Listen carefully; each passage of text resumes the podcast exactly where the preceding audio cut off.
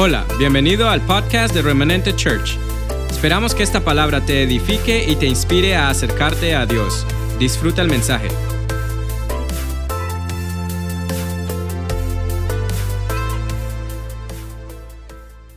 Yo he escuchado de partos rápidos y he escuchado de partos normales y he escuchado de partos largos. Esta palabra yo empecé a parirla desde ayer a las 4 de la tarde, 5 de la tarde, y yo estaba supuesto a enviar ese texto ayer del título y los versículos bíblicos y llegó hoy como a las 9 y media de la mañana. Fue un parto bastante largo, pero eso mismo me tiene emocionado, porque sé que Dios va a hablar a nuestras vidas. Diga conmigo, Dios va a hablar. Amén, sí Señor. Como título, porque saben que me gustan, el título es muy sencillo. El título del día de hoy, para la palabra que el Señor me ha puesto en mi corazón, es No pensamos igual. Yo hablaba con mi esposa en casa y le decía, mami, ¿será que tú y yo pensamos igual? Y me decía, en muchas cosas sí pensamos igual, pero en muchas otras no pensamos igual. Con mi hijo pasa también muchas veces. No pensamos igual. Con el pastor Alberto pensamos igual en muchas cosas. Pero hay cosas en las que no pensamos igual. A él le gusta el Barcelona, a mí me gusta el Madrid. ¿Verdad? No, no pensamos igual, ¿verdad? Pero está bien. Eso hace parte de la vida y eso hace la vida más interesante. El que no pensemos igual. Pero si nos vamos un poquito más profundo a lo que queremos compartir en el día de hoy, quiero ser honestos, Dios puso una carga en mi corazón muy grande por su pueblo. Hay una batalla campal que nosotros vivimos y que la gran mayoría de las veces la perdemos. Y es una batalla en la mente, en nuestra mente, en nuestros pensamientos. Pero quiero, tengo una buena noticia. Podemos perder, perder batallas, pero la guerra no la vamos a perder. La guerra ya está ganada. Jesucristo es nuestro libertador. Jesucristo nos dio la victoria. Pero Él está preocupado y cargado. Les digo, los sueños que yo tuve anoche, de los rostros que yo vi, una carga impresionante, porque estamos perdiendo muchas batallas. Y en las batallas que se pierden hay mucho dolor. Y en ese dolor que, se, que, vivimos y que experimentamos, se transmite y se, y se, lleva a las generaciones y nuestros hijos van creciendo en una cultura en donde al parecer es común y quizás muchas veces normal que perdamos tantas batallas. Pero no es lo que Dios quiere. Dios quiere dejarte saber que somos más que victoriosos en Cristo Jesús. Que no importa lo que estés viviendo en este momento, no importa lo que estés atravesando, no importa lo que estés sintiendo, no importa cómo lo estés viviendo, no importa cómo no te estén entendiendo, no importa que trates de explicarlo y no te, los, no te entienden y no te escucha, pero tú sabes la crisis en la que estás. No importa. Hay buenas noticias. Jesús te dio la victoria, pero más allá de eso, es el momento de no dejarnos distraer por todos esos pensamientos y por todas esas emociones, sino que tengamos nuestra mirada en Jesús, puesto los ojos en Jesús, el autor y el consumador de la fe, puesto los ojos en Jesús, el campeón de la fe, dice una versión. Él es el campeón, Él ganó, Él nos dio la victoria, es, es nuestra, es tuya y es mía, pero no nos podemos dejar distraer por esto, pero nos hemos dejado distraer y por eso hemos estado perdiendo las batallas. La palabra dice en Proverbios 23, 6, no comas pan con el avaro ni codicies sus manjares. El 7 dice, porque cuáles son sus pensamientos íntimos, tal es él. Usted sabe que usted y yo podemos saber cómo piensa una persona cuando analizamos cómo vive una persona. Como tú vives, así piensas.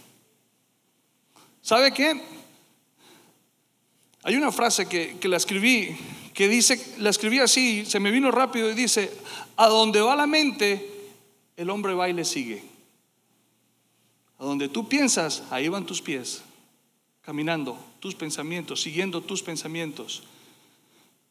Dice, porque cuáles son sus pensamientos íntimos, tal es él.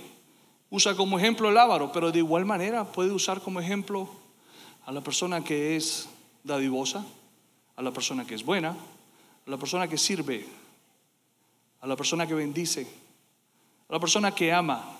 Eso es evidente. Y cuando tú ves a alguien que ama, a alguien que sirve, a alguien que perdona, a alguien que tiene fe, a alguien que lucha, a alguien que no se rinde, a alguien que se esfuerza, tú puedes fácilmente saber qué está pensando esa persona. Tú puedes fácilmente saber cómo esa persona está procesando los pensamientos. Porque las batallas las tiene, todos las tenemos, pero te puedes dar cuenta que esa persona está ganando más batallas que las que está perdiendo. Y eso es lo que el Señor quiere, que empecemos a ganar esas batallas en el día de hoy. Necesitamos ganar esas batallas. Necesitamos ser ejemplo de nuestros hijos. Necesitamos ser ejemplo de las generaciones que están aquí presentes. Necesitamos nosotros, los hombres cuarentones, cincuentones que estamos aquí, necesitamos demostrarle a los muchachos de 25, 27 y 30 años que no importa la edad que tú tengas, si tú mantienes un corazón humilde vas a estar siempre vigente. Y con un corazón humilde vas a estar siempre luchando por tener los pensamientos correctos y ganar esas batallas para demostrar que aún a los 50 es posible transformar tu vida para afectar a los tuyos. Tú sabes que cuando tú sabes, tú quieres saber cuándo hay propósito de Dios, cuando se junta la generación pasada, la generación presente y la generación futura. Cuando Dios te da un rema y te da una palabra, cuando tú vences una batalla, tú restauras el pasado afirmas en el presente y proyectas a los tuyos hacia el futuro. Ahí hay propósito de Dios. Te animo a que tomes notas en este día. Hay bastante palabra y hay muy buenas frases para copiar, para meditarlas, para compartirlas. Te animo si estás en casa y si estás aquí y te gusta tener el Facebook y el, y el servicio, a que lo compartas. Es la mejor manera de evangelizar. Es la manera más fácil de evangelizar. Hoy en día podemos evangelizar hasta en la China si queremos solamente con un clic en nuestro teléfono. Te animo a que lo hagas si estás en casa. Por favor, comparte este mensaje. Mucha gente lo está necesitando. Yo personalmente lo estoy necesitando. Por eso estoy aquí. A donde va la mente, el hombre le sigue. Ahora, ¿qué dice, qué dice Dios acerca de los pensamientos? ¿Qué habla Dios en la palabra acerca de los pensamientos? ¿Cómo se expresa Dios acerca de los pensamientos? Dice en Isaías 55, 8 y 9, dice, mis pensamientos no se parecen en nada a sus pensamientos. Wow. Dice el Señor, y mis caminos están muy por encima de lo que pudieran imaginarse, o sea que no hay manera, por más que tú te lo imagines, no hay manera de que tú puedas llegarle cerca. Dice que está muy por encima de lo que nosotros podemos imaginarnos. Les estoy compartiendo lo que Dios dice acerca de los pensamientos. Pues así como los cielos están más altos que la tierra, así mismo están más altos. Así, mi, así mis caminos están más altos que sus caminos y mis pensamientos más altos que sus pensamientos. Eso dice el Señor acerca de los pensamientos. Pero ¿qué me dice esa palabra a mí? Esa palabra a mí me dice que yo, que Dios que yo estoy en los planes de Dios, que yo estoy en los pensamientos de Dios, porque Él está comparando mi pensamiento con el de Él, o sea que Él está pensando en mí, que Él me tiene en cuenta, que yo estoy en sus planes, que tú estás en sus planes. Por eso está cargado, porque estamos perdiendo batallas. Pero es nuestro libertador. Qué alabanza, no pudo ser más propicia para este día de hoy el que nos dio la victoria. Mi esposa me decía esta mañana, el Señor puede ver la foto completa. A mí me gusta, yo quisiera que predicara todos los domingos, pero bueno, a mí se me olvida que a veces yo soy el pastor y tengo que predicar yo también, ¿verdad? Pero esta mañana yo estaba sentado en el escritorio y ella se levantó y se acercó, me trajo un café. Le comenté de lo que íbamos a hablar y él me dice, papi, lo que pasa es que el Señor ve la foto completa me dijo algo que me rompió la cabeza. Me dijo, Él tiene todas las piezas del rompecabezas. Nosotros estamos viendo una esquina de la foto, o quizás el centro de la foto, o una gran parte de la foto, pero no estamos viendo toda la foto completa. ¿De dónde saca mi esposa y saco yo eso? La palabra lo dijo, dice que sus pensamientos son más altos que nuestros pensamientos. Y si Él escribió todos los días que en el Salmo 139 están, cada momento de cada día que nosotros estamos viviendo, Él lo escribió, conocedor de todos y cada uno de ellos, quiere decir que Él tiene todas las piezas del rompecabezas. Todas. Entonces, cuando tengamos el rompecabezas, el que le gustan los rompecabezas y se encuentre varado porque tiene una pieza que no sabe dónde encajarla, tenemos que ir al Señor. Tenemos que buscar al Señor y Él nos va a decir en dónde va esa pieza. Amén. Salmo 139, me gusta tanto este salmo, me habla tanto, me bendice tanto. Dice, oh Señor, has examinado mi corazón y sabes todo acerca de mí. Lo sabe todo. Sabes cuando me siento y cuando me levanto. Conoces mis pensamientos aun cuando me encuentro lejos. O sea, que para aquella persona a la que Dios le habló, que no ha entrado a la iglesia porque se siente indigno e indigna, porque sabe que se ha comportado mal, porque sabe que no está dando testimonio a pesar de que lo conocen y la conocen como una persona cristiana, y se siente apartado y se siente lejos, para ti va esta palabra que dice, conoces mis pensamientos aun cuando me encuentro lejos. No tienes escapatoria. No importa a dónde vayas, no importa a dónde estés, el Señor conoce tus pensamientos, Él sabe lo que estás pensando, Él sabe cómo lo estás pensando, Él sabe lo que estás procesando, Él sabe lo que estás sintiendo, Él sabe lo que estás sufriendo. También Él sabe las luchas que estás teniendo. Dice, me ves cuando viajo y cuando descanso en casa. Mami, hasta cuando viajamos nos ve el Señor. Punta Cana, Barranquilla, Soledad. Cuando vas en el avión, ahí nos ve el Señor. Cuando no estamos en casa, ahí nos ve el Señor. Cuando usted no viene a la iglesia porque se va el domingo para la playa y estás camino a la playa, ahí va el Señor contigo. Sabes todo lo que hago. Todo. Sabes lo que voy a decir, incluso antes de que lo diga. Salmo 139 del 1 al 6, lo que le gusta tomar notas, tomen notas, léanlo en casa, compártalo con sus hijos. Déjele saber a sus hijos que sí hay un plan con su vida. Déjele saber a sus hijos que Dios tiene un plan con ellos. Déjele saber a sus hijos que no importa que viajen a la China misma si ellos quieren. Dios está con ellos y Dios tiene un plan con ellos. Déjele saber a sus hijos que ya Dios le dio la victoria a pesar del horror en el que ellos están caminando. Déjele saber a sus hijos que la misericordia de Dios nueva es cada mañana.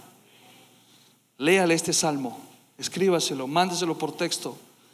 Agarre esa almohada de, él, de ella, apriétela y recítele este salmo como si fuese él y vuelve y colóquela en la cama. Háblele a los bebés, mírele a los ojos, hable vida, imparta vida. Usted y yo somos fuente de vida. Pero es que estamos perdiendo muchas batallas en la cabeza.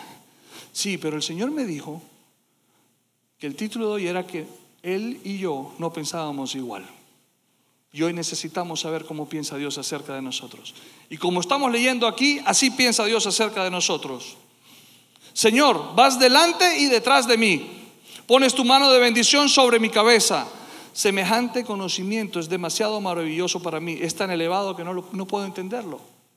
Otra manera de decir que sus pensamientos y caminos son más altos que los nuestros. Del 23 al 24 dice, dice así, examíname, oh Dios, y conoce mi corazón.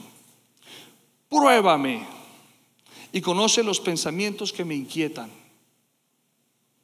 Uy, yo no soy capaz de decirle eso al Señor. No, no, ¿cómo yo hablo ese tema con el Señor? Pero ¿cómo me atrevo yo a decirle me da vergüenza. David no solamente dice que lo examine, sino que lo pruebe en esos pensamientos. ¿Ustedes saben por qué? Porque él sabía que el amor de Dios es mayor que nuestra falta. Porque él sabía que la misericordia de Dios nueva es cada mañana. Porque él sabía que el amor de Dios cubre multitud de faltas en nuestras vidas. Es impresionante que David en el Antiguo Testamento vivía, era un reflejo de la vida que nosotros tenemos que vivir el día de hoy. Y Jesucristo no había venido a la tierra, pero a Él le había sido revelado. Dice, señálame cualquier cosa en mí que te ofenda y guíame por el camino de la vida eterna. Salmo 139, 23, 24 para los que les gusta tomar nota. Hebreos dice que la palabra de Dios es viva y poderosa, es más cortante que cualquier espada de dos filos y penetra entre el alma y el espíritu, entre la articulación y la médula del hueso. Yo no, me imagino cómo es eso, pero ahí llega. Deja al descubierto nuestros pensamientos. Oh, la palabra es eso. Los descubre, los destapa, los ex, o sea, delante de Dios, delante de la palabra, delante de Jesús, no hay pensamiento que pueda estar oculto. Dice que sale a la luz, dice que deja al descubierto, dice que Él lo puede ver, dice que penetra hasta donde lo más profundo. Usted sabe que usted y yo hemos escondido cosas allá adentro que ya no sabemos dónde están. Que hemos avanzado en la vida porque hemos creído que hemos superado. Y resulta que esas pequeñas cosas que ya ni sabemos dónde están ni cómo se originaron, nos están haciendo tropezar y nos están haciendo perder batallas. Pero la palabra dice que la palabra misma es la que entra, la que penetra hasta lo más profundo. Y dice que deja al descubierto nuestros pensamientos y deseos más íntimos. No hay nada en toda la creación que esté oculto de Dios. Todo está desnudo y expuesto ante sus ojos y es a Él a quien rendimos cuentas. Ay, ay, ay. Ay Dios, a ti rendimos cuenta, Señor. A ti, Señor, te debemos todo. No hay nada oculto delante de ti. A ti, Señor, me rindo en esta mañana. A ti, Señor, confieso mis pecados. A ti, Señor, te pido que me ayudes. A ti, Señor, te pido que examines mi corazón, que peses mi corazón, que mires mis pensamientos, que me guíes, que me enseñes, que me muestres, que me instruyas, que me des sabiduría, Señor, para evitar los problemas, más que me des inteligencia para salir de ellos. A ti, Señor, te entrego mis hijos, mi generación, mi parentela. En el nombre de Jesús, Señor. A ti, porque a ti y solo a ti entrego cuentas, mi Dios. Tú le puedes entregar cuentas a tu esposa de lo que ella sabe, de lo que ella ve, de lo que tú le cuentas, de lo que tú compartes, a tus hijos de igual manera tu mamá, tu papá. Pero ¿qué de aquello que nadie sabe? De eso también tienes que entregar cuentas. Y aquí dice que no hay nada oculto ante sus ojos. Nada oculto ante sus ojos. Usted sabe que toda acción que nosotros hemos tomado que haya ofendido a Dios nació en un pensamiento. Se inició en un pensamiento. Todo aquello que nosotros hemos hecho equivocadamente en nuestras vidas empezó en un pensamiento. Perdimos esa batalla, nos ganó. Ofendimos al Señor, ofendimos a nuestra familia, nos ofendimos a nosotros mismos. Le voy a decir algo así crudo, nos faltamos el respeto a nosotros mismos. Todo porque perdimos la batalla con un pensamiento. Estamos hablando de los pensamientos. ¿Quién conoce esa historia en la palabra de la mujer con el flujo de sangre? Amén. Marcos 5 del 22 al 34, no se lo voy a leer. Escríbalo, léalo en casa, pero sí lo vamos a hablar. Dice la palabra que esta mujer tenía 12 años con ese flujo de sangre. Usted sabe que toda mujer que tenía un flujo de sangre en el momento en el que estaban esos días de sus días de gracia, digámoslo de una manera bonita, ella no podía, todo lo que aquella mujer tocase era considerado inmundo según la cultura en la que estaban. Todo lo que tocase. No podía, no podía acercarse a sus hijos, no podía cocinar, no podía acercarse a su esposo. Eso, estaba, eso es la cultura en la que las mujeres en ese entonces estaban y vivían. Entonces ella tenía 12 años, donde ella, todo lo que tocase, durante 12 años, era impuro era maldito, lo contaminaba. Esta mujer dice la palabra que ella se había gastado todo el dinero, había buscado los mejores doctores, todo el dinero, y aún así, dice después de haberse gastado todo su dinero, las cosas estaban peor. Ustedes se imaginan esta mujer, yo creo que ella comía bastante lentejas, porque Dios mío, 12 años para poder sostenerse. ¿Se imaginan la debilidad en la que esa mujer estaba? ¿Se imaginan el dolor, la tristeza, la depresión, la angustia? Porque era marginada de la sociedad. Y dice que Jesús venía caminando porque lo había venido a buscar Jairo que fuese a orar por su hija porque estaba agonizando. Y él venía caminando en medio de la multitud y la palabra dice, lo voy a buscar aquí rapidito. Ella había oído de Jesús, había oído de Jesús. No conocía a Jesús, había oído de Jesús. Así que se le acercó por detrás entre la multitud y tocó su túnica. O sea que, según la tradición, ella contaminó la túnica de Jesús. Pero me gusta esta parte que dice, pues pensó. Ella pensó, si tan solo tocara su túnica, quedaré sana. Yo quiero y te reto en esta mañana que tú busques un versículo bíblico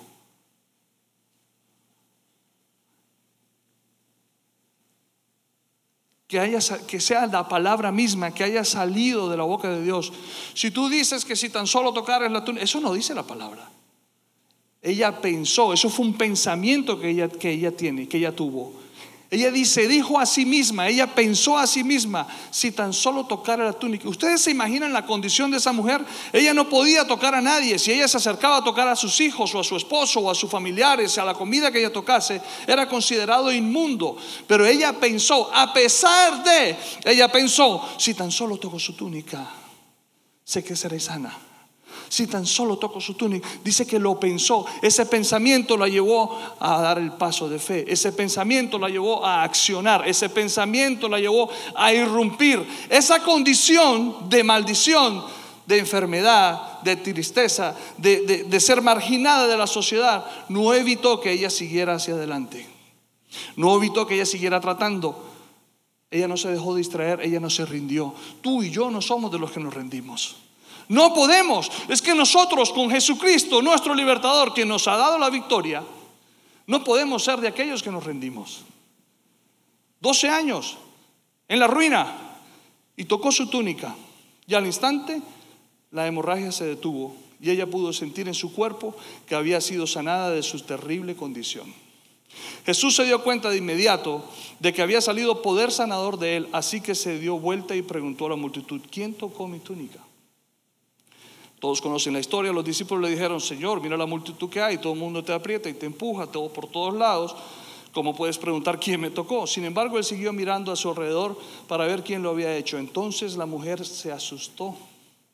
Asustada y temblando al darse cuenta de lo que había pasado, se le acercó y se arrodilló delante de él y le confesó lo que había hecho. Y él le dijo, hija, tu fe te ha sanado, ve en paz, se acabó tu sufrimiento. Ella había oído de Jesús, pero cuando tocó su túnica, conoció a Jesús. Todo por un pensamiento. Jesús quiere que le conozcas. Jesús quiere que cambies tus pensamientos. Jesús quiere que transformes tu mente, tu manera de pensar. Jesús te quiere sanar. Jesús te quiere restaurar. Jesús te quiere levantar. Iglesia, los, los rostros de sufrimiento que yo vi anoche yo no quiero que nadie tenga un sueño como eso. Llanto, dolor, angustia, desesperación, batallas perdidas en nuestra mente.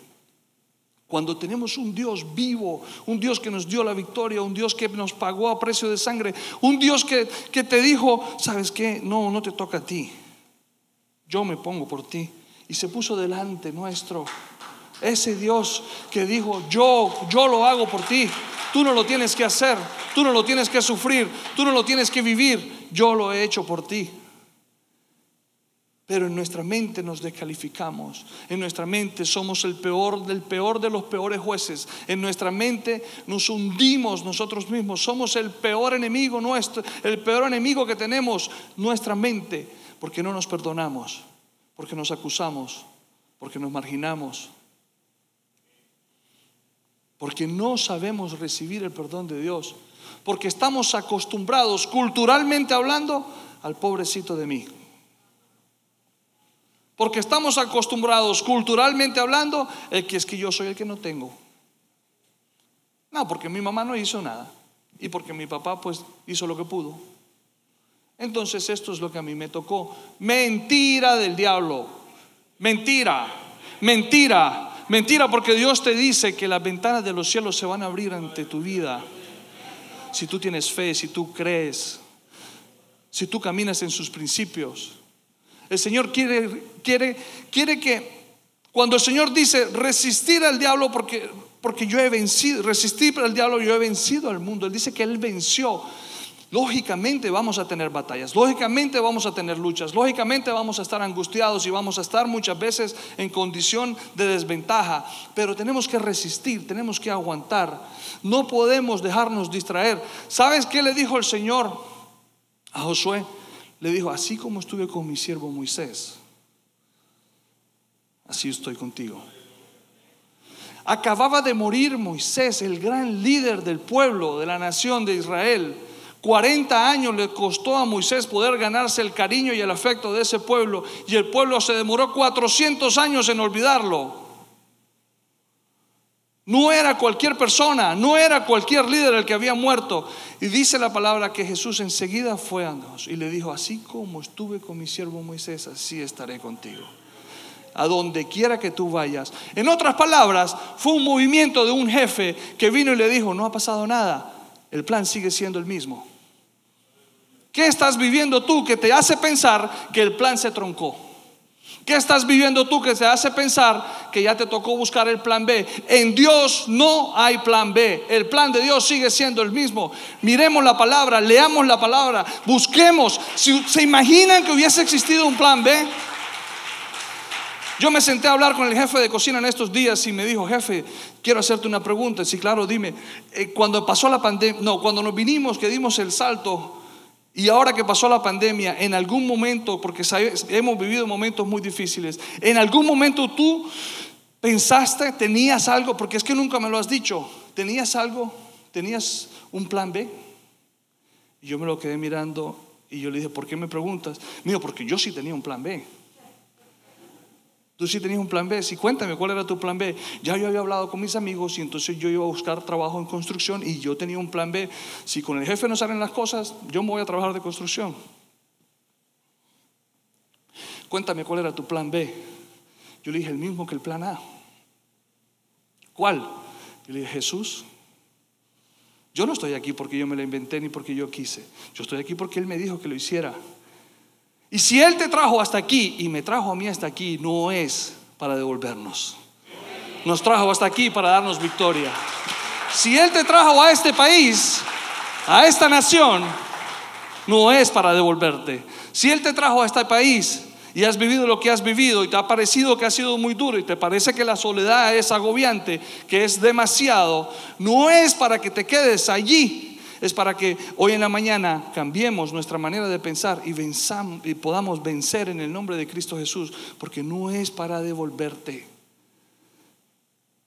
Mi esposa habló el viernes de carácter, Él está moldeando carácter, está forjando carácter, Él está dándole figura al carácter, Él te está preparando. No hay nada que se vaya a perder en este proceso que estamos viviendo de transformación.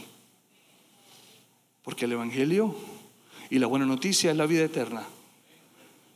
El Evangelio y la buena noticia es una vida en libertad, es una vida plena y es una vida abundante. Pero para nosotros poder llegar a una vida plena y para nosotros poder disfrutar de una vida abundante, necesitamos ser transformados. Por eso el Evangelio es de transformación. Por eso en el Evangelio necesitamos morir para poder resucitar con Cristo. Por eso en el Evangelio no nos podemos dejar distraer.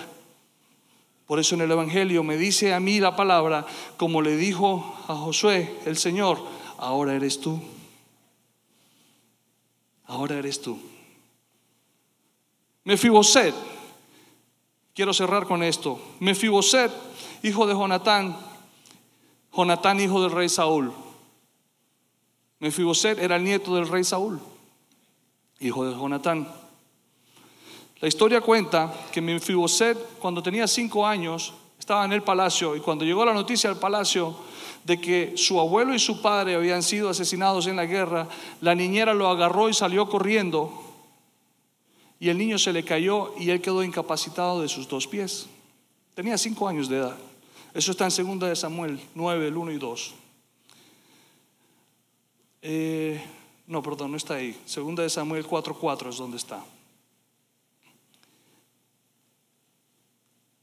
Pero dice, la historia que ella lo hizo porque ella se asustó y salió huyendo.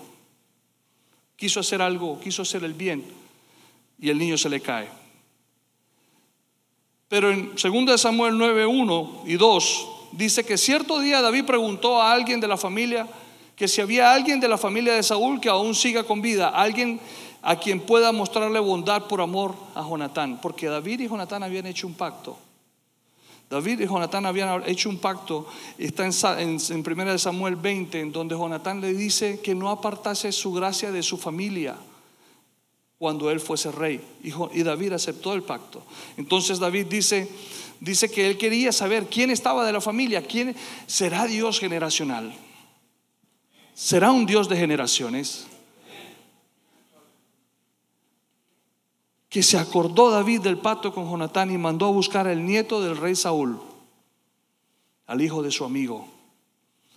Dijo, quiero conocerlo. Entonces dice que un criado que estaba allí, que se llama, se llama Siba, o sea que él Siba, o sea, eh, un hombre que había sido uno de los siervos de Saúl, y le preguntó, le dice, sí señor, yo soy Siba, y dice, sí, hay un muchacho, se llama, se llama Mefiboset, y él existe, él es el nieto del rey Saúl.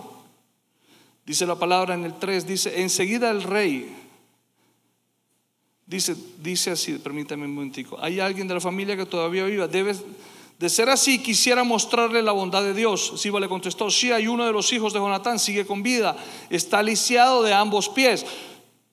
Qué cosa, ¿verdad? ¿Cómo somos en la humanidad? Sí, hay uno, sí, ahí queda uno, pero es un tatareto. No, sí, hay uno, pero no tiene nada. Sí hay uno, pero es cojo.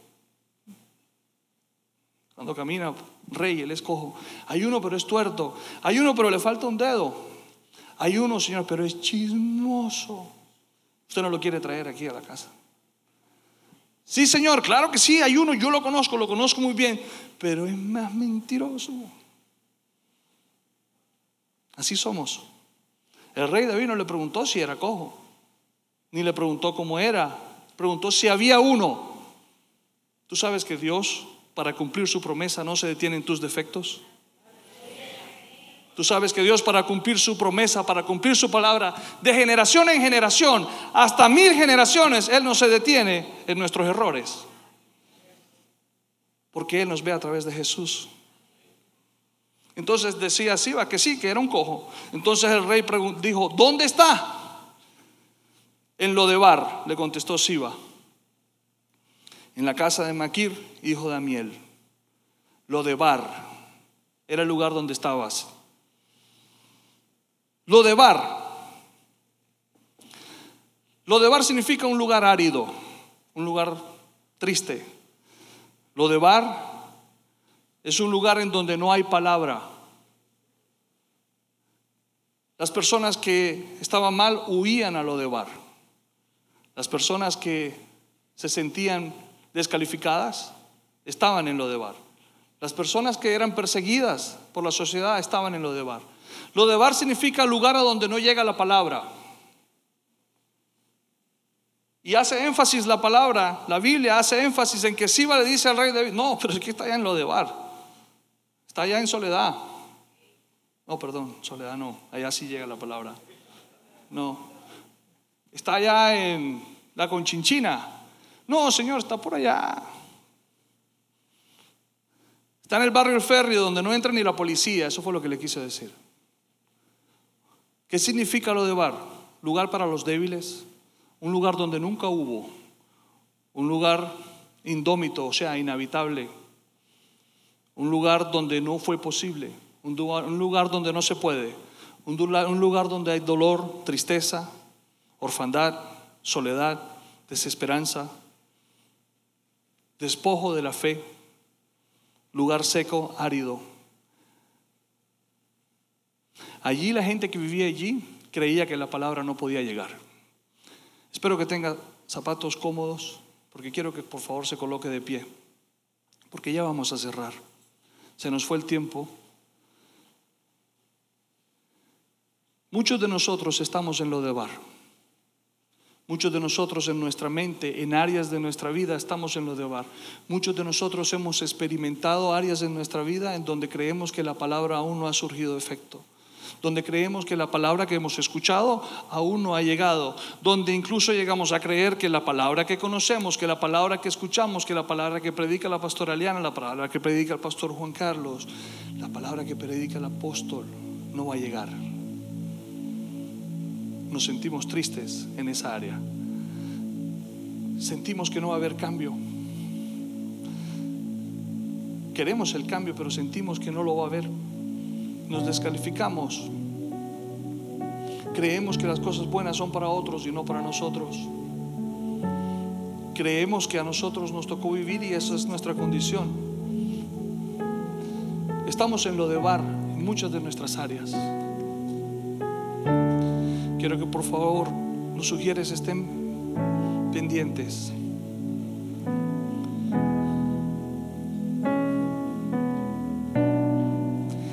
En lo de bar, en un lugar árido, donde se nos seca la garganta de la sed y no tenemos agua para beber, en donde no calienta el sol, en donde siempre es nublado, en donde duele tanto que ya nos acostumbramos. Donde hemos aceptado la derrota y hemos aceptado vivir con la derrota.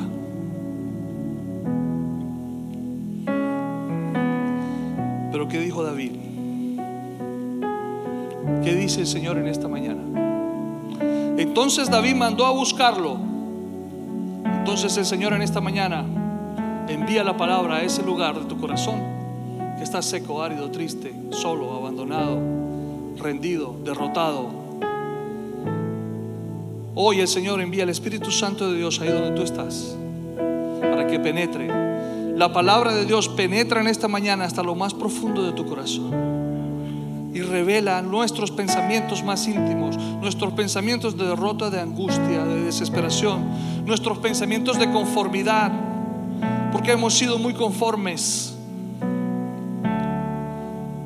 Dejas de crecer cuando caes en la comodidad y en la conformidad de un sistema que te quiere vender la idea de que está bien que te quedes en casa porque supuestamente estás ganando más. ¿Tú no te das cuenta que te están invalidando tu derecho de superación? ¿No te das cuenta que te están robando la bendición de tus hijos? ¿No te das cuenta lo que le estás modelando a tus hijos? Que tú estás en casa viendo Netflix, pasando canales y tu hijo está al lado tuyo comiendo popcorn porque a mi papá le llega un cheque del gobierno. Eso es estar en lo de bar. Eso es robarle la vida a tus hijos. ¿Qué le estás modelando a tus hijos? ¿Qué le estás enseñando a tu generación? Hoy yo para qué me voy a matar. Es que tú no te vas a matar, es que Dios te quiere forjar. Yo para qué me voy a ir a trabajar y para qué me voy a quemar los dedos. Porque el Señor te quiere enseñar que a través de eso Él te va a llevar a grandes cosas. Porque estás con una mentalidad pobre de empleado de 30 horas cuando el Señor te quiere dar una empresa para que tengas 30 empleados de 40 horas.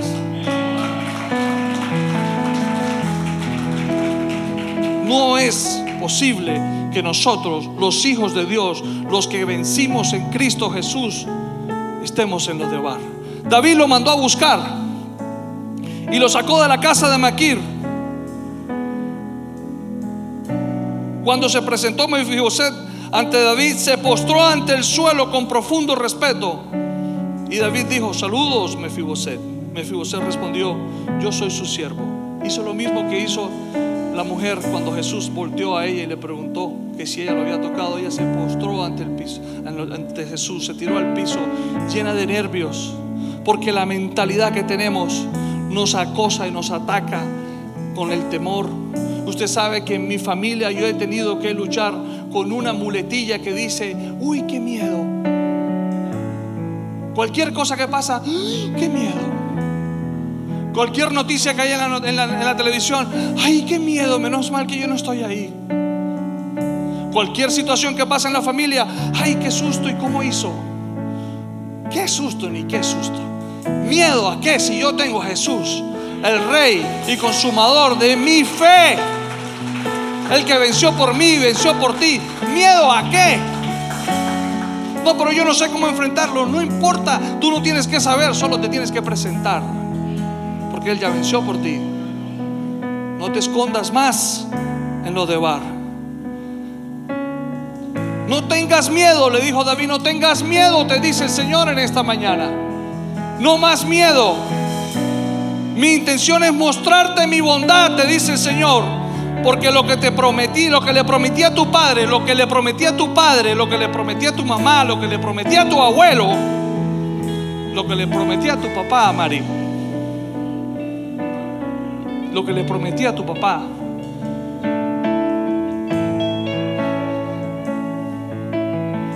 te quiero mostrar la bondad que le prometí a tu papá. Tu papá Jonatán, con quien hice un pacto. Dios hizo un pacto con nuestras familias. Dios hizo un pacto con nuestros antepasados. Y Él lo quiere cumplir el día de hoy. Y te quiere sacar de lo de bar. Y te quiere sanar. Y te quiere restaurar. Te daré todas las propiedades que pertenecían a tu abuelo, todas, a tu abuelo Saúl. Y comerás aquí conmigo a la mesa del rey. No solamente le devolvió todo lo que era de su abuelo, que su padre no alcanzó a heredarlo porque murió, pero como él es un Dios de generaciones, ¿quién pelea con Dios? Le dio todo al nieto. Y no solamente le dio todo, le dijo, comerás como uno hijo del rey, comerás aquí en mi mesa. El Señor quiere que comas con Él todos los días. El Señor quiere que le conozcas. El Señor quiere que tengas ese tipo de pensamientos atrevidos, audaces, que dicen, si tan solo le toco. Es que, es que si tan solo toco su mano, si tan solo le toco, si tan solo le llego, si tan solo le agarro, si tan solo lo puedo sentir, si tan solo lo puedo experimentar, sé que voy a ser sano, sé que el Señor me va a sanar, sé que el Señor me va a levantar. Y el Señor te dirá, hija, hijo, ve, eres sano, se acabó tu sufrimiento.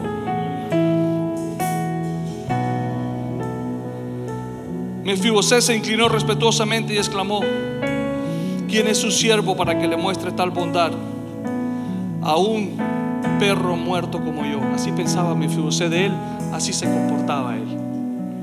Usted sabe que nosotros a veces vamos delante del Señor y decimos: Somos trapos inmundos, Señor, venimos delante de ti. Yo no soy un trapo inmundo, lo siento mucho. Yo soy un hijo de Dios. Un poquito pasadito de libras, pero es por la buena vida que Dios me ha dado porque tengo una esposa que me consiente. Yo no soy un trapo inmundo, yo no soy un perro inmundo. Y he cometido errores graves, pero para eso tengo un Cristo que me ha restaurado que me ha sanado, que me ha dado una oportunidad de vida que yo no quiero desaprovechar. Usted sabe que Dios me dijo que yo era un comunicador y que yo tenía que venir delante de ti en esta mañana para reafirmarte, para dejarte saber los planes que Él tiene contigo. Usted sabe que mi deber es poder comunicarle lo que Dios puso en mi corazón. Mi, mi deber es poder explicarte el sentimiento que yo tuve en la madrugada cuando veía a la gente en dolor. Usted sabe cuánta gente hay en dolor allá afuera. Usted sabe lo que sufre el inmigrante en, las, en los mares en Europa. No solamente en los desiertos de Estados Unidos y de México, en los mares de Europa se ahogan y mueren todos los días. Usted sabe cuánto hemos pero Dios te dice, no más. Sal de ahí, vengo por ti, en ese lugar de lo de bar donde has estado y te quiero dar la victoria. Quiero que, quiero que me conozcas, quiero que sientas quién yo soy, quiero que experimentes, quiero que camines conmigo. Quiero que pases aquí al frente porque yo quiero orar por ti. Lo dije al principio, en los aviones nos hacen poner máscaras y nos sientan uno encima del otro, parecen una caja de fósforos. He viajado muchas veces en la pandemia y no me ha dado el COVID en el avión. Yo no creo que a ti te va a dar el COVID si te mantienes tu máscara puesta y pasas aquí al frente. El Señor puso en mi corazón orar por ti en esta mañana. Quiero que Pastor Alberto, que Mari estén por favor preparados, que mi esposa me ayude, que Héctor y Maggie me ayuden. Vamos a orar por el pueblo. Vamos a reafirmar a este pueblo. Vamos a enseñarle a este pueblo a través de la oración que es posible. Quiero que se muevan Mari, Alberto, Héctor, Maggie, mi esposa, con propiedad de lo que Dios les ha dado. Quiero que los sugieres estén listos.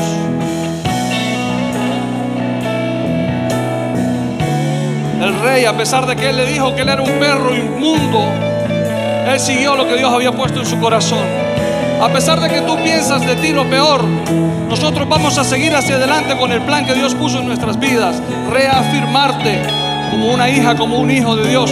Reafirmarte como un heredero, no solo de la vida eterna, sino de una vida plena y abundante. Reafirmarte en lo que Dios ha dicho.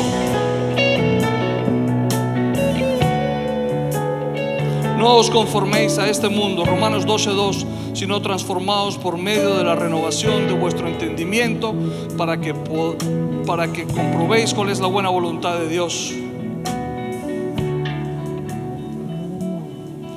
Porque las armas de nuestra milicia no son carnales, sino poderosas en Dios para la destrucción de fortalezas, derribando todo argumento y toda altivez que se levanta contra el conocimiento de Dios y llevando cautivo todo pensamiento a la obediencia de Cristo. Todo pensamiento. Esta es la oportunidad de que llevemos cautivo todo pensamiento a la obediencia de Cristo. Esta es la oportunidad para que rindamos todo delante de Dios. Todo pensamiento que te tiene anclado en lo de bar. Esta es la oportunidad. Así que preparen su mente para actuar y ejerciten el control propio. Pongan toda su esperanza en la salvación inmerecida que recibirán, que hemos recibido en Jesucristo Señor nuestro, que ha sido revelado el mundo. Primera de Pedro 1:13. Esperamos que este mensaje haya sido de bendición. No te olvides de suscribirte a nuestro podcast y seguirnos en Facebook e Instagram arroba remanente church.